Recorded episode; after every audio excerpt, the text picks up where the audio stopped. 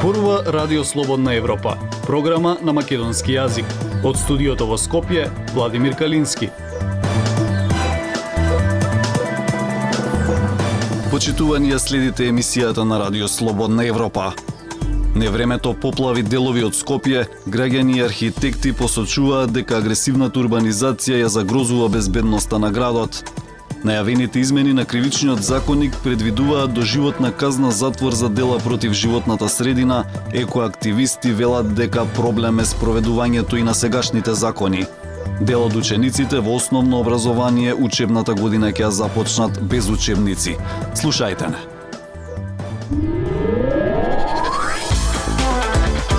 Независни вести и анализи за иднината на Македонија. На Радио Слободна Европа и слободнаевропа.мк. Комуналците расчистуваат по невремето што зафати делови од Скопје. Граѓаните пријавуваат штети, а власти и опозицијата се обвинуваат кој е виновен. Граѓани и архитекти посочуваат дека агресивната урбанизација е причина за тоа што му се случува на главниот град. Пелагија Стојанчова. Скопската општина Чаир во вторникот беше една од погодените од силниот дожд. Граѓаните кои живеат таму велат дека виновникот за поплавите не е дождот, туку властите, и општинските и оне од централната, кои дозволија изградба на нови згради, а канализацијската и водоводната мрежа остануваат исти како пред 50 години. Хатиџе Сулеймани, која повеќе од 50 години живее во населбата Серава во Чаир, на само 1,5 километар од центарот на градот, вели дека по изградбата на повеќе згради во оваа населба Незината куќа постојано се поплавува. Да, улиците се пулнат со песокот по изградбата на зградите што ги гледате. Канализацијата не работи и она малку е блокирано, затоа што луѓето не размислуваат. Црните точки во градот, како подвозникот во близина на стоковната куќа Мост, пред старата чаршија во Скопје, кружниот тека и хотелот Континентал и досега се поплавувале при посилен дошт. Но овој пат се поплави и нови објекти, како трговскиот центар Eastgate Мол, пуштен непосредно пред локалните избори лани во октомври, и новата зграда кај Мајчин дом во општината Аеродром, на чии изградба и предходеа граѓански протести за да не се уништува зеленилото на сметка на изградба на нова зграда. Водата си го наоѓа патот, па ако не може на едно место кое може би е неисчистено и нема добар одвод, ќе се појави на следното, вели градежникот Сали Масани. Тој посочува неколку можни причини зошто настрадаа новите градби. Ако е испроектиран е, инфраструктурата и, и објектот за овој ниво на е, поплави или ветрови, тогаш инфраструктурата треба да, да го прими тој таа вода и да нема поплави, тогаш проблемот се појавува во градбите. Дали е тоа соодветно проектирана или дали е тоа соодветно изведено. Треба да се остават слободни простори во градот, зелени површини кои ќе впиваат вода, вели архитектката и планер Даница Павловска Циги за Радио Слободна Европа. Ова невреме, освен што имаше нели силен ветер, имаше и голема количина на вода која што треба да ја упие земјата, зашто ниеден систем како и да е димензиониран канализационен, особено таа атмосферска канализација, не може да прими онолку колку што може природата навиду некогаш да, да истури и да, да создаде. Таа подседува дека архитектите и планерите многу пати досега посочуваат дека урбанизацијата, градбите и организацијата на градот се од круцијално значење за неговата безбедност. Невремето беше уште една причина за партиски препукувања, но и можност општинските власти да излезат и да се фотографираат како му помагаат на народот. Според податоците на УХМР, во изминатите 24 часа во Скопје наврнале 8 литри на метар квадратен. За споредба, во поплавите во Стајковци во 2016-та, во кои имаше и жртви, наврнале скоро 100 литри дожд на метар квадратен. Слободна Европа. Следете на на Facebook, Twitter и YouTube. Ако се воведе кривично дело екоцид, тоа ќе биде само на хартија и нема да се спроведува. Скептични се екоактивистите за предложените измени на кривичните дела против животната средина и природата, со кои се предвидува и казна до животен затвор. Кривичните дела против животната средина и природата постојат со години и во сегашниот кривичен законник, но ретко сте некој кривично да одговара за вакво дело и покрај тоа што загадувањето во земјава е секојдневие. Вака е кој активистите ги коментираат најавените законски измени со кои се предлага воведување на кривично дело екоцид и доживотен затвор или затвор од најмалку 10 години за предизвикување на сериозна или долготрајна штета врз животната средина. Законот го учинуваме позитивно, меѓутоа справедливоста е секогаш кај нас проблем. Вели Татјана Чакулев од граѓанското здружение Одва иницијатива. Во Македонија со години се познати најголемите извори на загадување на воздухот, водите и почвата, тоа се индустриските и енергетските компании со обраќајот, депониите, домакинствата и урбанизацијата.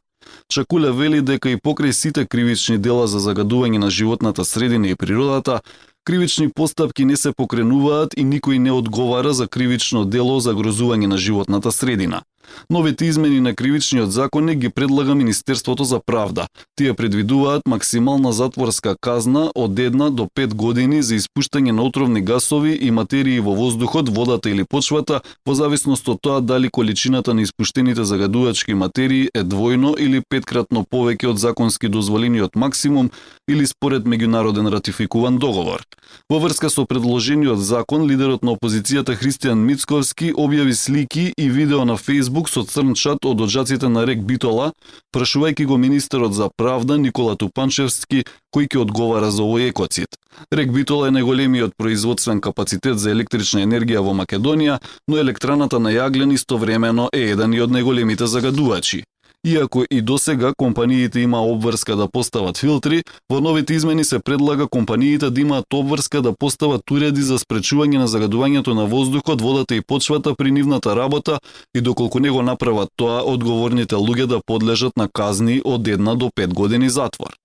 Исто така новите измени предвидуваат од 3 до 10 години затворски казни за предизвикување сериозна опасност за животот или здравието на луѓето или за уништување на растителен или животински свет од поголеми размери или на ретки видови на растенија и животни. Главно е тоа, затоа што на хартија ке нас многу работи фигурираат, така и ова ке фигурира на хартија, а, за да се спроведе, навистина ќе треба инспекцијските служби, да бидат тие што ќе ги покренат овие нешта. Велича Кулев. Државниот инспекторат за животна средина располага со вкупно 25 вработени луѓе, вклучително директорот на институцијата. Од нив 21 се инспектори, од кои еден е за природа, два водостопански инспектори и 18 за животна средина.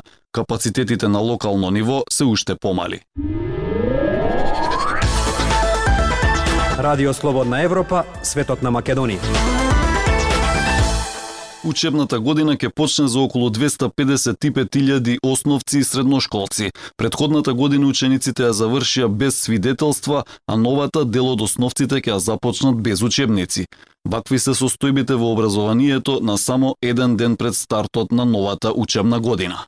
Ивана Стојкова Наместо учебници, дел од основците ќе учат од посебни материјали, бидејќи учебниците за прво, второ, четврто и пето одделение кои требаше да бидат подготвени согласно новите образовни реформи, не се готови. Учениците во овие одделенија ќе добијат половични учебници кои ќе го содржат материјалот само за првите три месеци од учебната година. Учениците од прво, второ, четврто и пето одделение ќе добијат материјали за учење подготвени од Бирото за развој на образованието, кои се однесуваат на првото тримесечие од новата учебна година, кога и треба да бидат завршени постапки постапките за одобрување на сите учебници и истите да бидат дистрибуирани до училиштата. Од ресорот објаснуваат дека доцнењето е поради тоа што се уште не е завршено одобрувањето на учебниците со новите наставни програми. На конкурсот за учебници дел од ракописите били избрани, но дел имале забелешки од рецензентските комисии и тие треба да бидат изменети и дополнети. Сепак нема објаснување зошто ако учебниците по новиот концепт се најавуваат уште пред три години учебниците не се завршени на време. Од министерството убедуваат дека и покрај тоа учениците ќе го совладуваат добиваат знаењето преку подготвени соодветни материјали додека не ги добијат новите учебници. Во неизвестност се и родителите на учениците. Татјана Јакимовска, која е родител на дете кој оди во второ одделение и друго кој оди во пето одделение, вели дека неизвестноста за стартот на учебната година веќе станува пракса.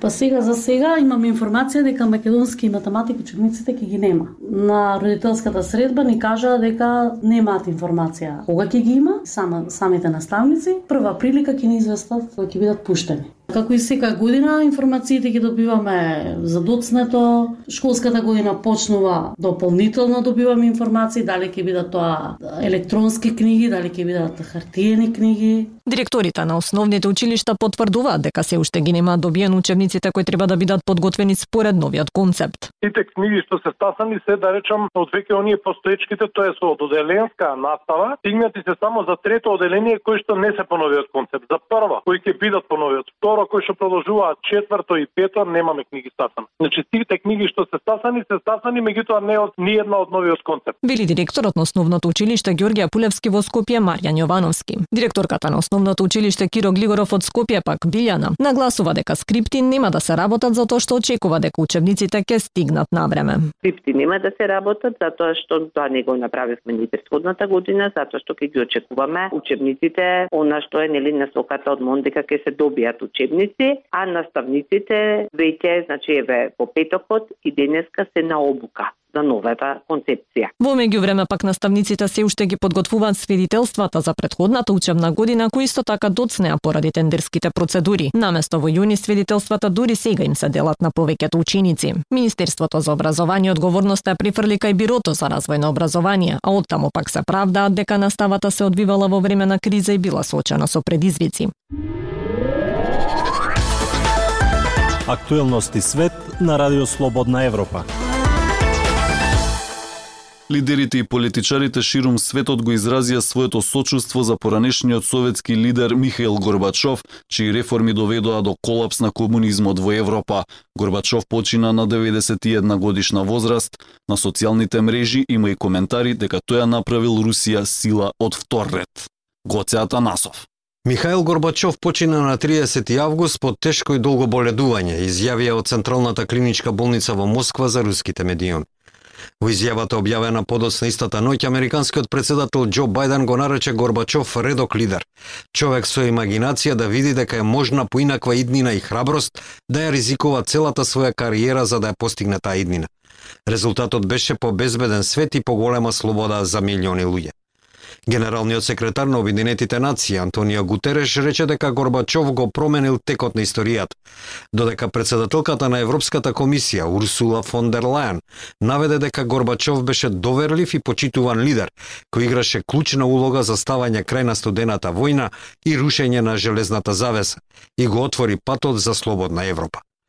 Олег Морозов, член на Долниот дом на Рускиот парламент, или Думата, која ја представува владачката партија Единствена Русија, го нарече Горбачов еден од коавторите на новиот светски поредок, што тој го означи како неправеден за Русија. Морозов ја опиша неиспровоцираната војна на Русија во Украина како обид за промена на постсоветскиот светски поредок.